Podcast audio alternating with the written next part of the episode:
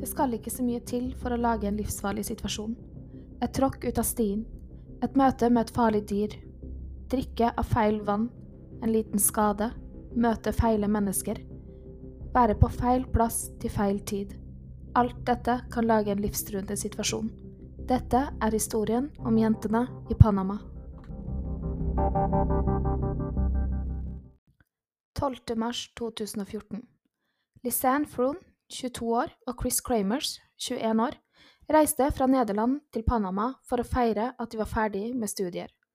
Her skulle de være i seks uker. De skulle også jobbe noen uker som frivillig på en skole for vanskeligstilte barn. De to første ukene nyter de livet i Panama. De er på stranden, bader, går på barer og går turer. De møter andre nederlandske som også er i Panama i sommerferien. De fleste er her for å jobbe frivillig og lære seg spansk. Etter disse to ukene reiser de til den lille fjellbyen Bukete, hvor de flytter inn hos vertsfamilien Miriam Guera. Når de ankommer stedet, får de beskjed av skolen om at deres jobb starter ikke før neste uke. Jentene blir litt skuffet over dette, men bestemmer seg for å gjøre det beste ut av at de plutselig hadde en uke ekstra med fritid. 1. april spiser Chris og Lisanne lunsj sammen med to gutter fra Nederland. De er også i byen for å jobbe som frivillig. De hadde på noen få dager blitt kjent med eieren av en restaurant i byen, og de bestemmer seg for å låne hunden til restauranteieren og gå en tur på turstien El Pianiste som går opp til vulkanen Baru. De skulle gå halvveis opp for å se på utsikten og tilbake igjen. Denne turen skulle ta fire timer. Jungelen var tett og partiene bratte, så de får beskjed fra en lokal guide om at de må ikke gå ut av stien, El Pianiste, men alltid følge den. De hadde sagt til vertsfamilien at de skulle komme hjem før solen gikk ned, men jentene kom ikke tilbake. Hunden de hadde fått lånt, kom plutselig løpende tilbake til eieren som drev restauranten, men den kom uten Chris og Lisanne. Dagen etter står vertsmoren Miriam tidlig opp for å lage frokost til jentene. Hun tenkte at de mest sannsynlig hadde gått en tur på byen kvelden før, og at de derfor kom sent hjem. Hun banket på døren deres, men hun fikk ingen svar. Chris og Lisanne hadde denne dagen avtalt å dra på tur med en lokal turistguide, men de dukket heller ikke opp til denne avtalen. Når Miriam hører dette, ringer hun politiet. Politiet tar bekymringsmeldingen med ro. De prøver å ringe jentene, men får ingen svar. De regner med at de bare er ute og fester. De setter først inn en leteaksjon dagen etter, den 3. april, to dager etter at jentene forsvant. Vertsmoren Miriam hadde ringt familien deres i Nederland. Familien deres sitter urolig og venter på at noen finner jentene. Men de finner raskt ut at de ikke er fornøyd med politiets arbeid og leting etter jentene deres, så de bestemmer seg for å reise til Panama for selv å lete etter dem. Den 6. april ankommer familien deres på Keta. Med seg har de nederlandsk politi, frivillige, redningshunder og etterforskere. Foreldrene, som først hadde trodd at jentene hadde gått seg vill, blir nå redde for at de har blitt gjort noe kriminelt med. I ti dager leter 50 stykker etter jentene. Det er frivillig og nederlandsk og panamisk politi. De finner ikke et eneste spor etter jentene, ikke så mye som et fotspor engang.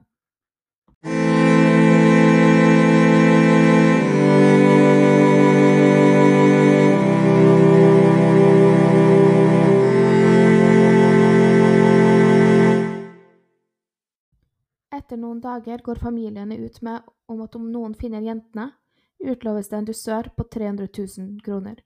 I Panama kan du kjøpe en tomt, et hus og en bil med denne summen. Mange lokale hiver seg på letingen etter denne beskjeden, men ingen finner jentene. 14. juni, altså to måneder etter at jentene forsvant, finner en kvinne en blå ryggsekk langs elven Culebra. Sekken ligger ved en risåker i landsbyen Alto Romero. Dette stedet er mange kilometer unna vulkanen jentene gikk opp mot. Kvinnen som leverer sekken, sier hun er helt sikker på at sekken ikke lå der dagen i forveien. I ryggsekken finner politiet 83 dollar, Lisannes pass, to par solbriller, Chris sitt forsikringskort, en vannflaske, et kamera, to bh-er og begges mobiltelefoner. Etter at de fant ryggsekken, begynner de å lete i Alta Romero etter jentene. Et par kilometer unna der ryggsekken lå, ble det funnet Chris sin deminshorts. Den ligger pent sammenbrettet på en stein, og glidelåsen er trukket helt opp. De leter videre i samme område, og kommer over en svart og rosa tursko. Inni der er det rester av en fot. Nå skjønner ikke politiet mye. De er sikre på at det er umulig for at Chris og Lisanne skulle ha kommet seg til Alta Romero på egen hånd. Landsbyen ligger minst tolv timers gåtur fra der jentene var. For å komme seg hit måtte de ha gått åtte kilometer gjennom en tett jungel svømt over elver med strie strømmer og klatret opp klipper og klatret opp og ned dype juv som krever utstyr. Det viser seg at det er nærmere 30 fingeravtrykk på sekken. Politiet brukte ikke hansker når de undersøkte sekken, så de sender ikke fingeravtrykkene til analyse, siden de antar at fingeravtrykkene deres er deres uansett.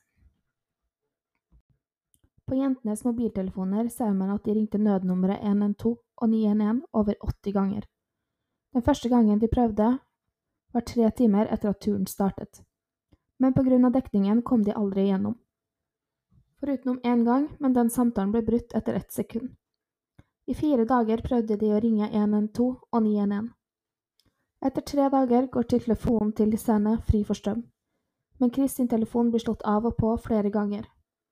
Men den 6. april ble pinnkoden tastet feil flere ganger og den fungerte derfor bare til å ringe nødnummeret med etter dette. Klokken 11.56 den 11. april, ti dager etter at de forsvant, ble Chris sin telefon slått av for aller siste gang. På kameraet som lå i sekken, finner politiet mange bilder av turen. På første del av turen ser man jentene posere og smile med tomler opp i været, men så begynner bildene å bli litt merkelige. På et bilde ser man Chris som poserer alvorlig i regnskogen med en hånd på hofta. På et annet bilde bøyer Chris seg ned med noe som ser ut som et sammenknyttende håndkle på ryggen. Er hendene knyttet sammen, eller holder hun de bare på ryggen? Et bilde av Chris som går ned mot ei elv i en short som senere blir funnet mange kilometer unna. Så kommer 90 mystiske bilder i mørket.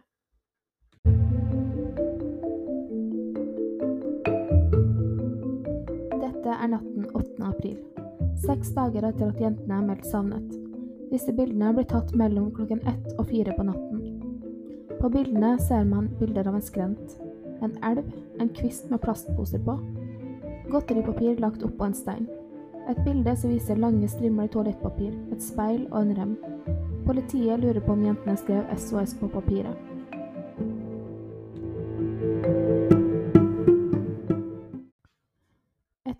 Viser bakhodet til Chris.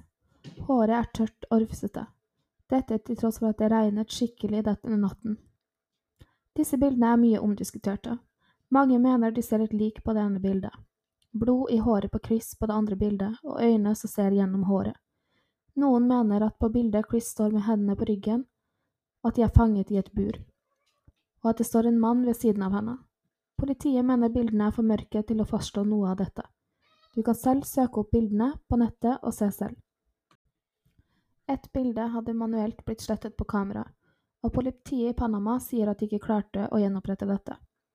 Noen mener det fortsatt ville vært på minnekortet. Politiet lurer på hvorfor ingen av bildene som ble tatt denne natten, viser jentene, foruten Chris sitt bakhode.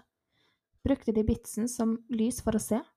Som et signal på at de trengte hjelp? For å skremme bort ville dyr? Eller tok noen andre bildene på kamera denne kvelden? Fem måneder etter jentene forsvant, ble det funnet 33 beinrester i regnskogen. Beinrestene ble funnet spredd utover flere kilometer. Her hadde de leita nøye før, så hvordan disse beinrestene plutselig dukket opp, skjønner ikke politiet. DNA-analyser viser at foten i skoen tilhørte Lisanne, og beinrestene langs elven tilhørte Chris og Lisanne. Funnet av beinrestene, og når du begynner å analysere dette, viser noe helt merkelig. Lisannes beinrester hadde fortsatt hud på seg, men Chris sine beinrester var kritthvite og bleket av kjemisk materiale eller solen, men de ble funnet i en tett, mørk regnskog. Så hvordan kunne solen ha bleket de? Hvorfor forråtnelsesprosessen hadde vært annerledes på disse to jentene, er et mysterium. Det var heller ingen skraper eller riper på beinrestene, og hvorfor beina var så små, vites ikke. Utenlandske medier lurte på om urbefolkningen kan ha drept venninnene under et bestialsk rituale og tatt vare på hodeskallene. Andre lurer på om jentene ble kidnappet, voldtatt og drept. Andre tror de kan ha blitt drept av et narkotikakartell. Syv måneder etter at jentene forsvant, avslutter Panamas riksadvokat etterforskningen. Hun mener myndighetene har gjort alt de kan for å løse saken, og de konkluderer med at jentene ved et uhell druknet i elva. Chris og Lisans foreldre går ut og beskylder myndighetene for å ha tuklet med saken, og for at de vil legge lokk på den for å unngå turistkrisa. Panama tjener mellom 6 og 7% av inntektene sine fra turisme. I januar 2015 reiste et team fra Nederland bestående av rettmedisinske spesialister, en letegruppe og panamiske myndigheter til Bukete for å gjøre et siste søk. De hadde gått El Pianestestien, de undersøkte juv, elvebanker og fossefall, og til slutt endte opp ved den samme elven som Chris og Lianes eiendeler ble funnet. Grunnet kraftig regn mener de levninger og eiendeler for lengst er skylt bort. Dette teamet konkluderer også med at jentene ikke var utsatt for noe kriminelt. En av teoriene deres var at Chris ble utsatt for en ulykke, og Lisanne løp for å skaffe hjelp. Hun prøvde å ringe 112 og 911 med begge telefonene, men kom ikke gjennom. Når hennes telefon gikk tom for strøm, prøvde hun desperat å låse opp Chris sin telefon. Deretter skal hun ha blitt utsatt for en ulykke selv. Den rettsmedisinske undersøkelsen av foten i skoen viser at ankelen hennes trolig ble knust etter et fall fra en stor høyde. De kan også ha falt ned i et juv som var umulig å komme seg ut ifra. Men hvorfor ble ryggsekken deres funnet så langt fra El Pianistestien? Sekken og alt innhold var tørt og fint, sekken hadde ingen skader. Hvorfor ble dongerishortsen funnet pent sammenbrettet? Hvorfor var beinrestene deres så små og forskjellige, og uten rifter som tyder på at ingen dyr har spist på dem? Og hva betydde de 90 bildene de tok denne natten?